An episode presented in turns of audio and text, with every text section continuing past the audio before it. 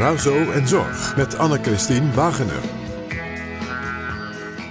Van harte welkom luisteraar bij de Razo, de Zorgradio Delft.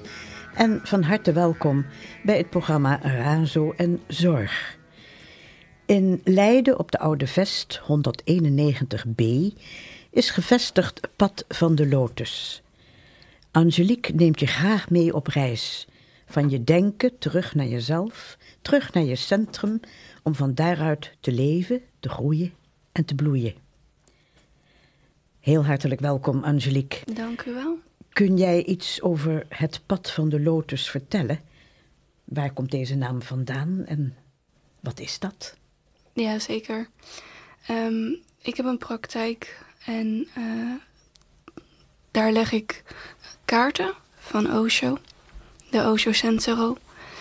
En mijn praktijk is vooral erop gericht om mensen meer bewust te laten worden van zichzelf en om terug in harmonie te komen. En de naam Pad van de Lotus komt daar ook onder andere uit voort. Want de lotus zet zich af vanuit de modder en van daaruit groeit hij omhoog. Oh, ja. Dus het is echt om je, ja, eigenlijk jezelf te herontdekken.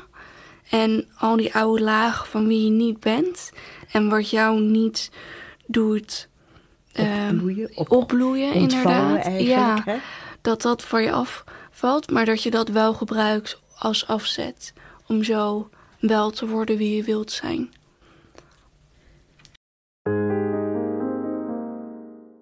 Angelique, ik vond op jouw website een gedicht dat jij geschreven hebt. Ik zou het graag even willen voorlezen.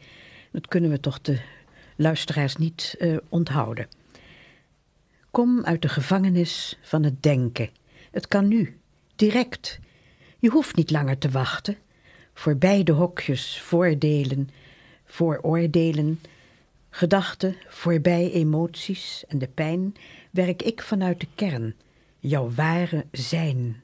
En zo leer je staan om daar naartoe te lopen waar jij heen wilt gaan.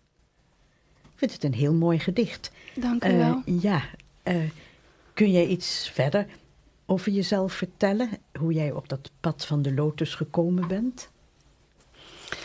Dat kan ik zeker. Um, wat heel veel mensen misschien niet van mij weten is dat ik 23 ben. Ik ben nog vrij jong. Um, en ik kwam er eigenlijk op. Ik heb um, vroeger echt wel met mezelf in de knoop gezeten. Een aantal jaar psychiatrie ook daarvoor gehad. En voor mij werkte dat niet, omdat um, psychologen gaan niet verder dan je hoofd en het denken zelf. En voor mij zat in het denken het probleem. Ik dacht zoveel na en dat werd een soort domino-effect. En toen ben ik een aantal jaar later kreeg ik van iemand een boek in handen van Osho. En dat boek heet Vrijheid en Moed om Jezelf te zijn. En Osho legt er eigenlijk uit uh, de slavernij voor je denken en voor je emoties. Iedereen weet zelf dat als je iets denkt, dat daar een gevoel uit voortkomt. Of als je iets voelt, dan heel veel mensen gaan mee in dat gevoel. Dus je bent bijvoorbeeld verdrietig en je stemming zakt naar beneden. En zo gaat dat de hele dag heen en weer. Alleen wat heel veel mensen niet beseffen, is dat er dat iedereen in zich een kern heeft wat puur bewustzijn is. En je gedachten en je emoties, je kan het zien als een ui, zijn een laag om jou heen. En iedereen kent ook de momenten op een dag dat je met iemand bent en op een gegeven moment de stilte valt. En dat je voelt dat daar iets in zit, wat voorbij emoties en gedachten gaat. En dat is, dat is ook dat gedicht in iedereen zit een kern. En in die kern, daar ben je mee geboren. Maar doordat je zoveel voelt en denkt, en ook door alle conditioneringen die je over jezelf heen krijgt, van de wereld of de aannames die je zelf maakt, raak je die kern kwijt.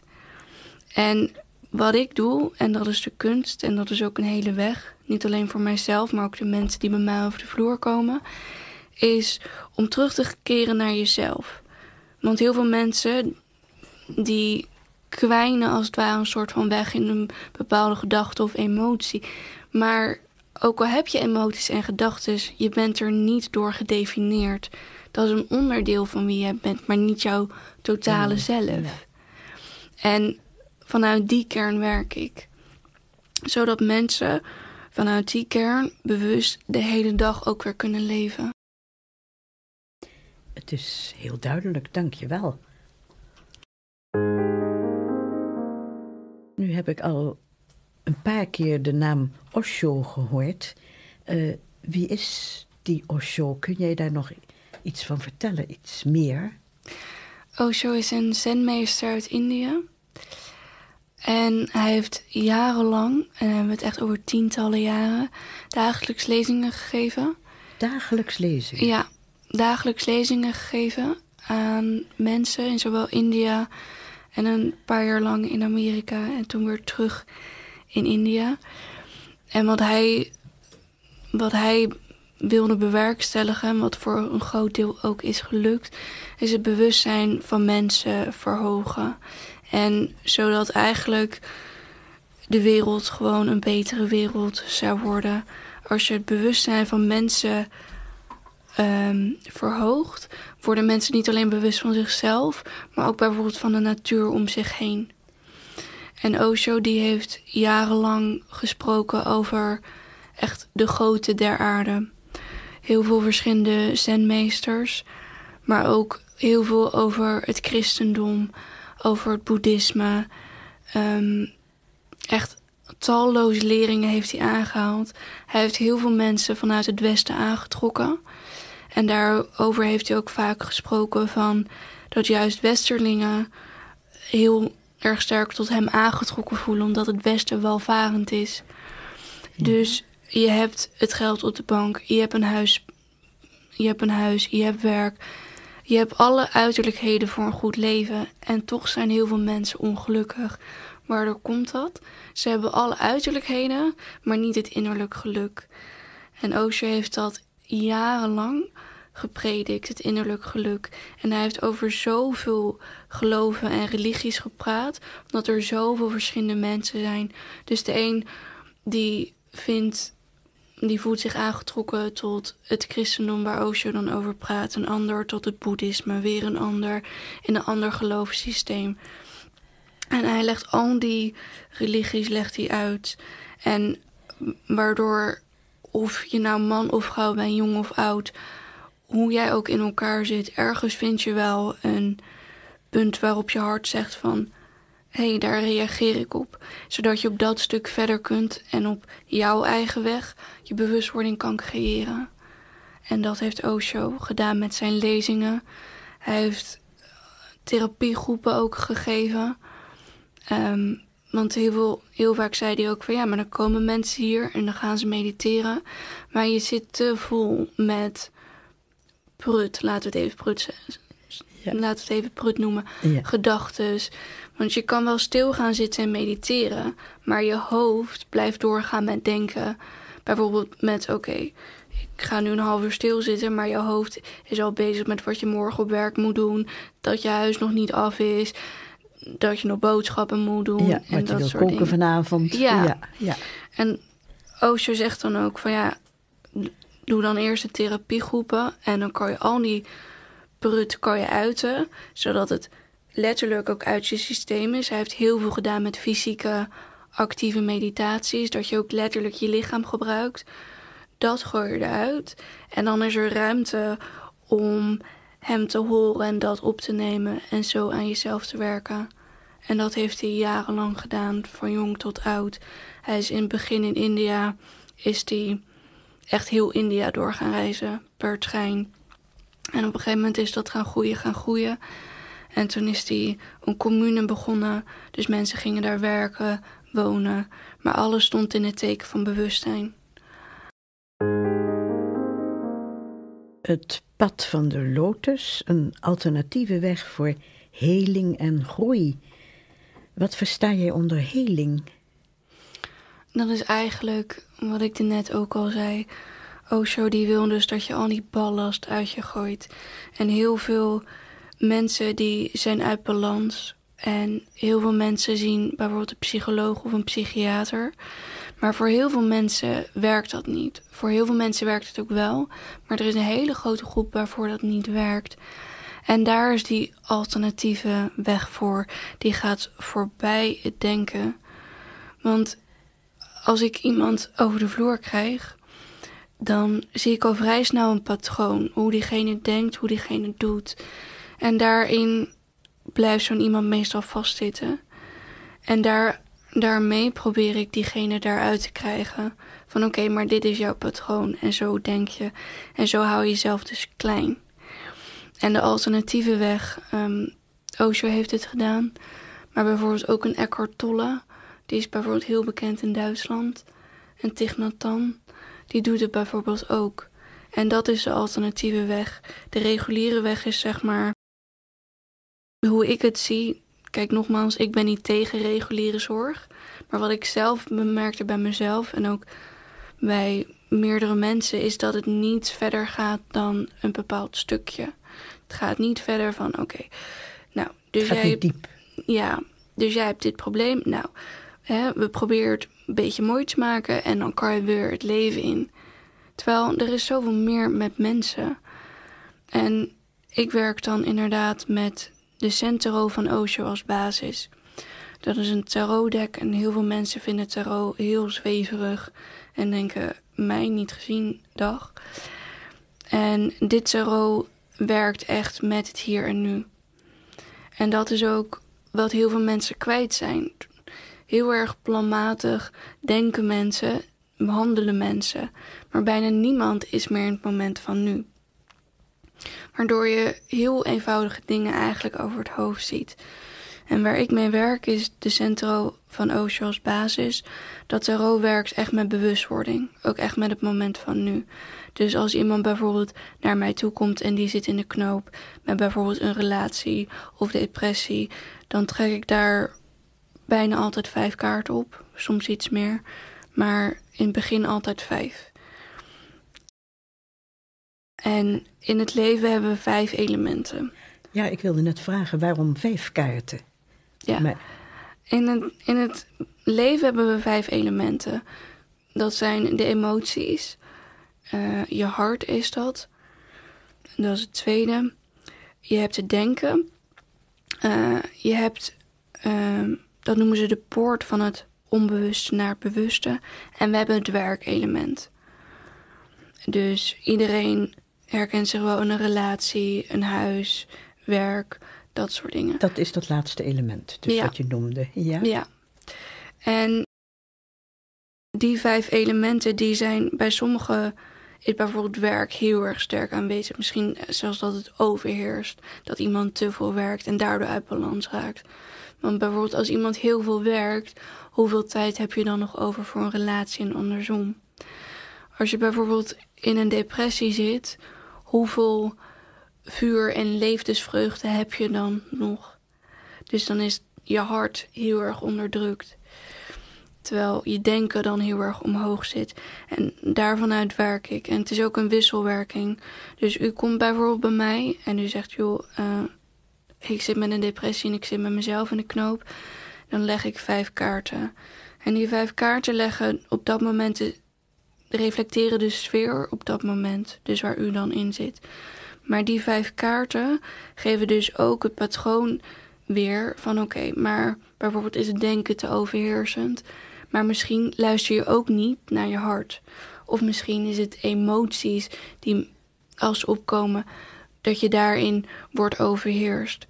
En dat zijn de, dat zijn de vijf elementen. En dat zijn dan principes waar ik uit werk. Dat is de basis. En dan een volgende stap is uh, de leer van Osho daar eigenlijk heel speels inbrengen. Wat kan jij doen? Welke handvaten kan ik jou geven om te zorgen dat je in balans komt? En voor de een is dat bijvoorbeeld grenzen aangeven, bewust worden van inderdaad de patronen. Voor een ander is dat meer in contact komen met iemand anders, kijken naar wat wil ik. En voor de een werkt meditatie, de ander moet juist meer gaan werken. En weer een derde zoekt iets heel anders. En wat ik in mijn coachingen gebruik zijn ook mijn eigen ervaringen. Ik ben er echt heilig van overtuigd dat iemand die door heel veel is heen gegaan, juist de mensen kan helpen die zwaar zitten. Je eigen ervaringen delen, ehm, het bewustzijn brengen. En ja, dat is, dat is mijn manier van werken. Ja, dankjewel. Razo en Zorg met Anne-Christine Wagener. Razo en Zorg in een gesprek met Angelique Heins. En Angelique vertelt ons alles over het pad van de lotus. Uh, Angelique, ja, alles, maar je hebt lang nog niet alles verteld. Want je vertelde dat je kaarten legt, mm -hmm. tarotkaarten. En uh, dat dat de vijf elementen, je legt vijf kaarten soms meer, zei je. Uh, dan wil ik eigenlijk even eerst weten, uh, hoeveel kaarten zijn er en hoe weet jij welke vijf je moet hebben? Um, ik weet nooit welke vijf er gaan komen. Um, in het centrum van Osho zitten, zitten 79 kaarten uit mijn hoofd. Oeh, dat is een hele hoop.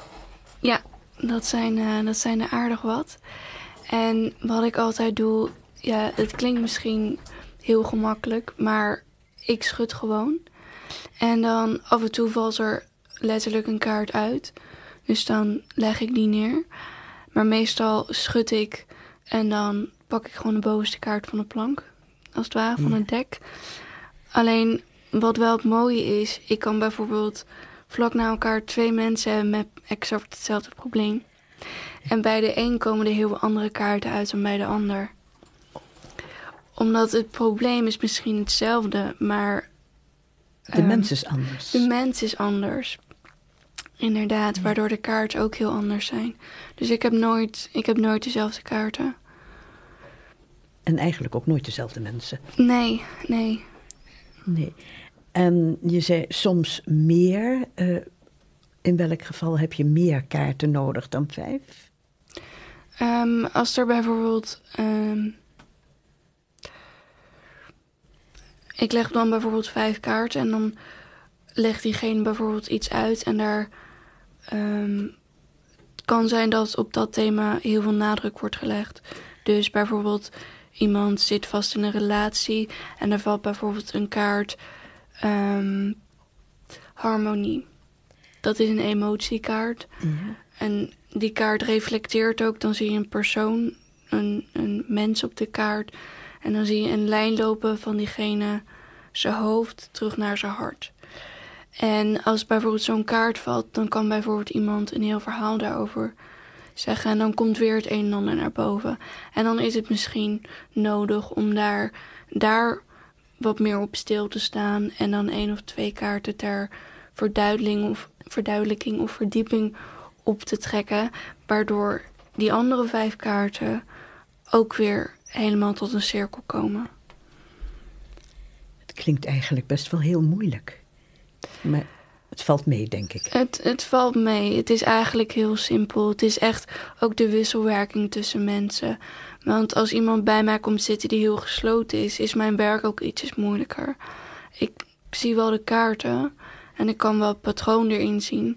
En ik kan ik ook wel aantippen. Maar als u zegt nee, nee, dat is niet zo. Ik kan niet. Als iemand nee zegt, is die deur gesloten. Is die deur dicht? Ja. ja. ja.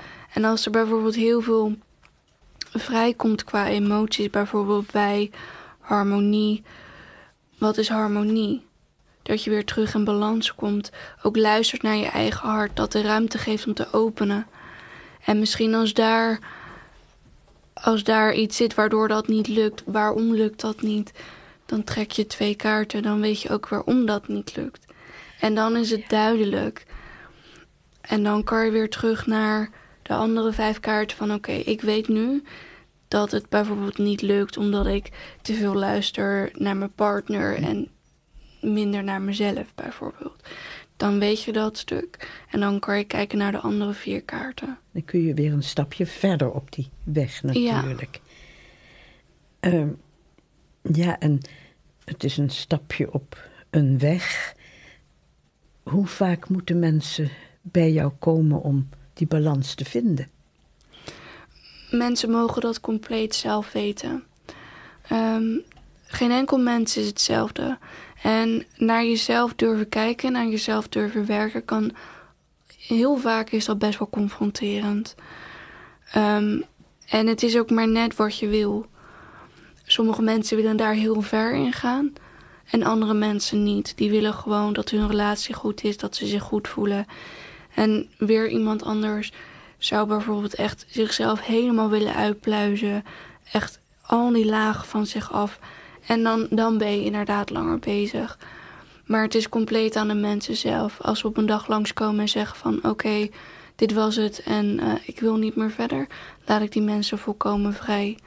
Dus ik, ik zeg ook heel vaak bij mij van niets moet en alles mag. De men, Er schiet mij eigenlijk bij alles wat je vertelt nu te binnen. Uh, heeft dat uh, ja, trendy woord, zou ik bijna zeggen, mindfulness. Heeft dat ook uh, ja, iets te maken met alles wat jij doet? Ja, mindfulness zit er zeker ook in verweven, inderdaad. Wat het doet als je zo'n kaartlegging legt, is dat je, je probeert mensen bewust te maken en daarmee dat ze inderdaad die beperkte patroon of die um, ideeën, emoties waardoor ze zichzelf klein houden, dat je die afgooit. En dan kom je automatisch in het moment van nu. En dat is natuurlijk ook mindfulness. Um, we hadden het daar straks heel even ook over. Hoe kan het zijn dat juist in deze tijd, als er zoveel mogelijk is, dat heel veel mensen uit balans zijn? Ja. Hoe komt dat? Um, ik zelf denk ook. Um, we zijn steeds meer met machines bezig. Er wordt steeds meer van mensen gevraagd. We gaan steeds meer naar een 24-uurs-economie. En iedereen wordt maar verwacht om daar 24 uur beschikbaar te zijn. En dat is ook waar we de plank misslaan. We zijn en blijven mensen en geen machines. Dus wij mensen kunnen geen 24 uur per dag in touw zijn. En ik denk dat daar ook ook al is er zoveel mogelijk, dat we juist daar de verkeerde kant op gaan. Het is ook voor onszelf van hoe gaan wij om met alles, alle impulsen, alle, alle dingen die wij op een dag tegenkomen. En waar is de grens? En waar zeggen wij tegen onszelf: oké, en nu is het even me time. Nu, nu even alles uit en nu ik. En mindfulness is eigenlijk terugkomen in het moment van nu. Want als je, ook al bouw je bijvoorbeeld maar 10 minuten of een kwartier in, s ochtends, als je opstaat, kan je bijvoorbeeld 10 minuten of een kwartier inbouwen om gewoon even rustig te ademen. Alles wat je op zo'n dag moet doen, bestaat op dat moment niet. Want je bent 10 minuten gewoon even rustig aan het ademen of een boek aan het lezen. En dat is mindfulness gewoon in het moment van nu zijn. En daar de rust vinden en zo ook weer op te laden. En dat is veel beter dan opstaan en je agenda pakken en denken: ik moet dit en ik moet hem zo laat daar zijn. Ja, ja het is ook inderdaad ehm, in een wereld die zo uit balans is, hoe kom je weer in balans? Techniek is een heel mooi iets, want er zijn heel veel mooie innovaties. Maar het heeft ook een keerzijde. Ja. Het heeft ook een keerzijde. En het is de kunst, hoe ga je daarmee om? En wat wil je daar zelf mee? Ja, en je hebt natuurlijk ook uh, met je werk, als je dus alles moet doen met machines, heb je ook een mindere verbinding dan wanneer je bijvoorbeeld zelf helemaal een paar schoenen vanaf het begin maakt. Of dat je dus aan een lopende band zit met alleen maar een vetertje neerleggen. Ja, ja. Dus het geeft dan minder voldoening. Ja, en dan is het ook inderdaad de vraag, in een tijd met zoveel technologie, waar en hoe vinden wij voor onszelf de voldoening in ons werk? Want bijvoorbeeld een ICT'er, die is volledig in zijn nopjes bij computers. Maar ik, ja, ik zelf moet daar niks van hebben. Daar zou ik zelf niet uh, blij van worden. Ik ben echt een mensenmens. Dus ik wil heel graag in gesprek met mensen en echt contact maken met mensen.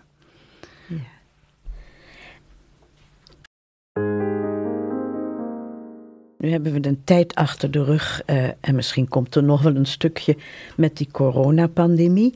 Eh, zitten mensen heel veel thuis. Ik heb van iemand gehoord die zei: Ik vind het heerlijk om thuis te zitten. Ik heb eindelijk veel minder prikkels. Ik voel me prima. Ik ben helemaal in balans.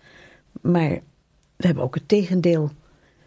Heb jij er iets van gemerkt met mensen? Ja, ik heb er wel heel veel van gemerkt, inderdaad. Sommige mensen zeggen inderdaad wat u al zei, dat ze veel meer in balans kwamen. Omdat ze inderdaad minder prikkels hadden. En andere mensen die kwamen, die raakten juist uit balans. Omdat ze die prikkels inderdaad misten. En de muren kwamen heel erg op hun af. Ja. En dat is, dat is eigenlijk voor iedere leeftijdscategorie is het wel voelbaar geweest, denk ik. Um, maar het is juist ook een hele mooie tijd geweest. Want als je, als je merkt dat je uit balans raakt, dan kan je ook aan de andere kant kijken van... Oké, dus alleen maar thuis zitten werkt bijvoorbeeld voor mij niet. Ja, ja. En wat werkt dan wel? En corona geeft daardoor ook heel veel mogelijkheden. En wat ik heel mooi vind, ook in mijn werk, is op zoek te gaan naar de mogelijkheden heel vaak zeggen mensen: ja, maar dit lukt niet en dat lukt niet. Maar ik heb dit geprobeerd en ik heb dat geprobeerd. Oké, maar dat is een bandje die je kan blijven afspelen. Maar je kan ook kijken van, als je naar creativiteit kijkt, oké, maar wat kan wel? Dus je ziet bijvoorbeeld in de coronapandemie, heel veel mensen zijn gaan lopen. Heel veel mensen hebben een huisdier aangeschaft, omdat ze zich eenzaam voelden of iets in die trant. Andere mensen hebben een hobby opgepakt andere mensen konden veel meer van hun relatie gaan genieten, waardoor dat weer beter ging. En andere mensen kwamen erachter dat ze, als ze thuis gaan zitten, dat dat hun niet helpt en dat ze juist in een teneur raakten. Dan weet je van, oké, ik ben een mensenmens, dus ik moet erop uit. Maar misschien niet zoals wat ik vroeger heb gedaan. En dat, ja, zo ben ik het tegengekomen. Ik ben echt gaan kijken met de mensen van... Oké, maar in zo'n hele periode, en dat is het mooie als het langer duurt... Als het langer duurt, ja. Dan kan je kijken, welke weken ging iets beter en welke weken niet? Hoe zat je in je vel? Wat heb je gedaan? Want dat is het ook, waar je je mee voelt, mentaal, maar ook fysiek, zo word je. Dus als je voedt met bijvoorbeeld bewustwording of heling en willen groeien dan, voed je daar, dan geef je dat ook voeding, dan geef je dat kracht. Als je gaat voeden met, ja, maar dit gaat niet goed en dat kan niet meer, bijvoorbeeld de bioscoop en uit eten, dan raak je ook in teneur. Ja. En dat is ook het stukje bewustwording. Bewustwording kan ook op een heel klein niveau. Hoe je denkt beïnvloedt je emoties en andersom.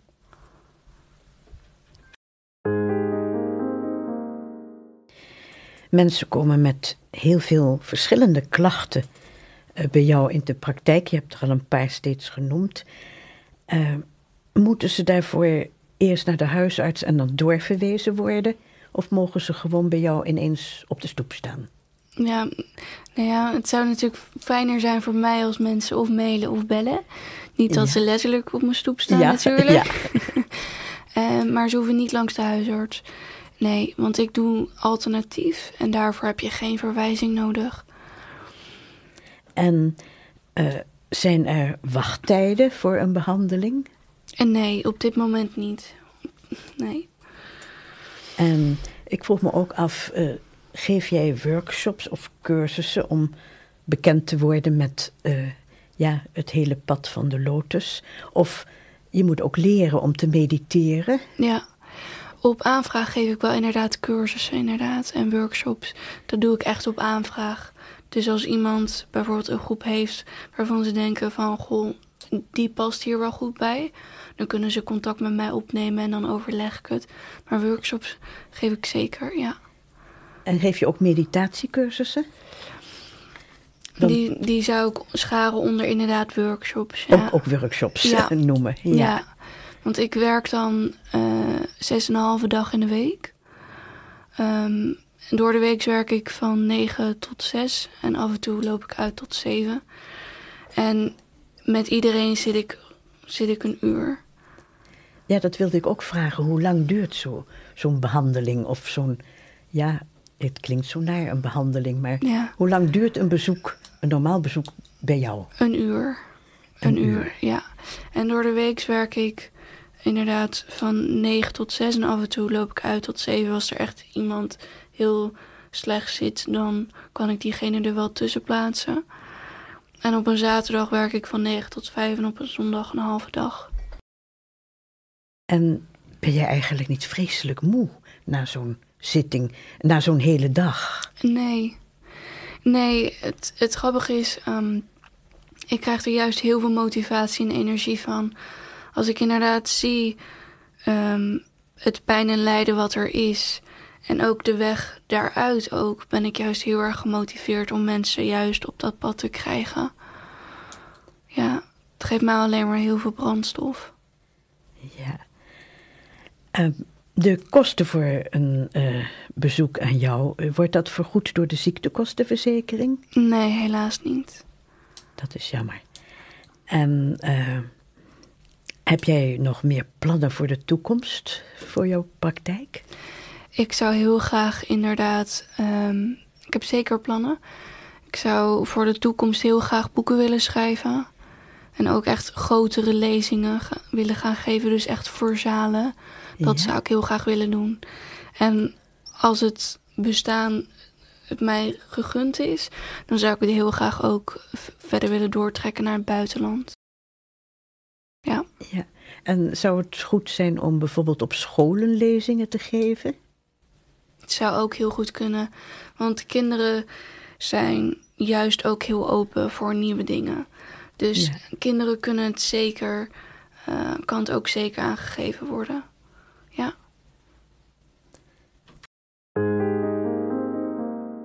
Angelique, kun je me nog snel vertellen waar luisteraars meer informatie kunnen krijgen over Pad van de Lotus? Ja, dat is op www.padvandelotus.nl. Of ze kunnen mij een e-mail sturen naar padvandelotus.gmail.com. Ah, dank je wel. Dan danken we jou dat je naar de studio hebt willen komen en voor alles wat je ons verteld hebt. Vandaag spraken we in Razo en Zorg met Angelique Heijns van Pad van de Lotus. En voor meer informatie, u heeft het al gehoord, de website padvandelotus.nl. Aan deze Razo en Zorg uitzending werkte mee techniek Theo de Pachter, productie Herbert Tieleman. En de presentatie van dit programma was in handen van Anne-Christine Wagener.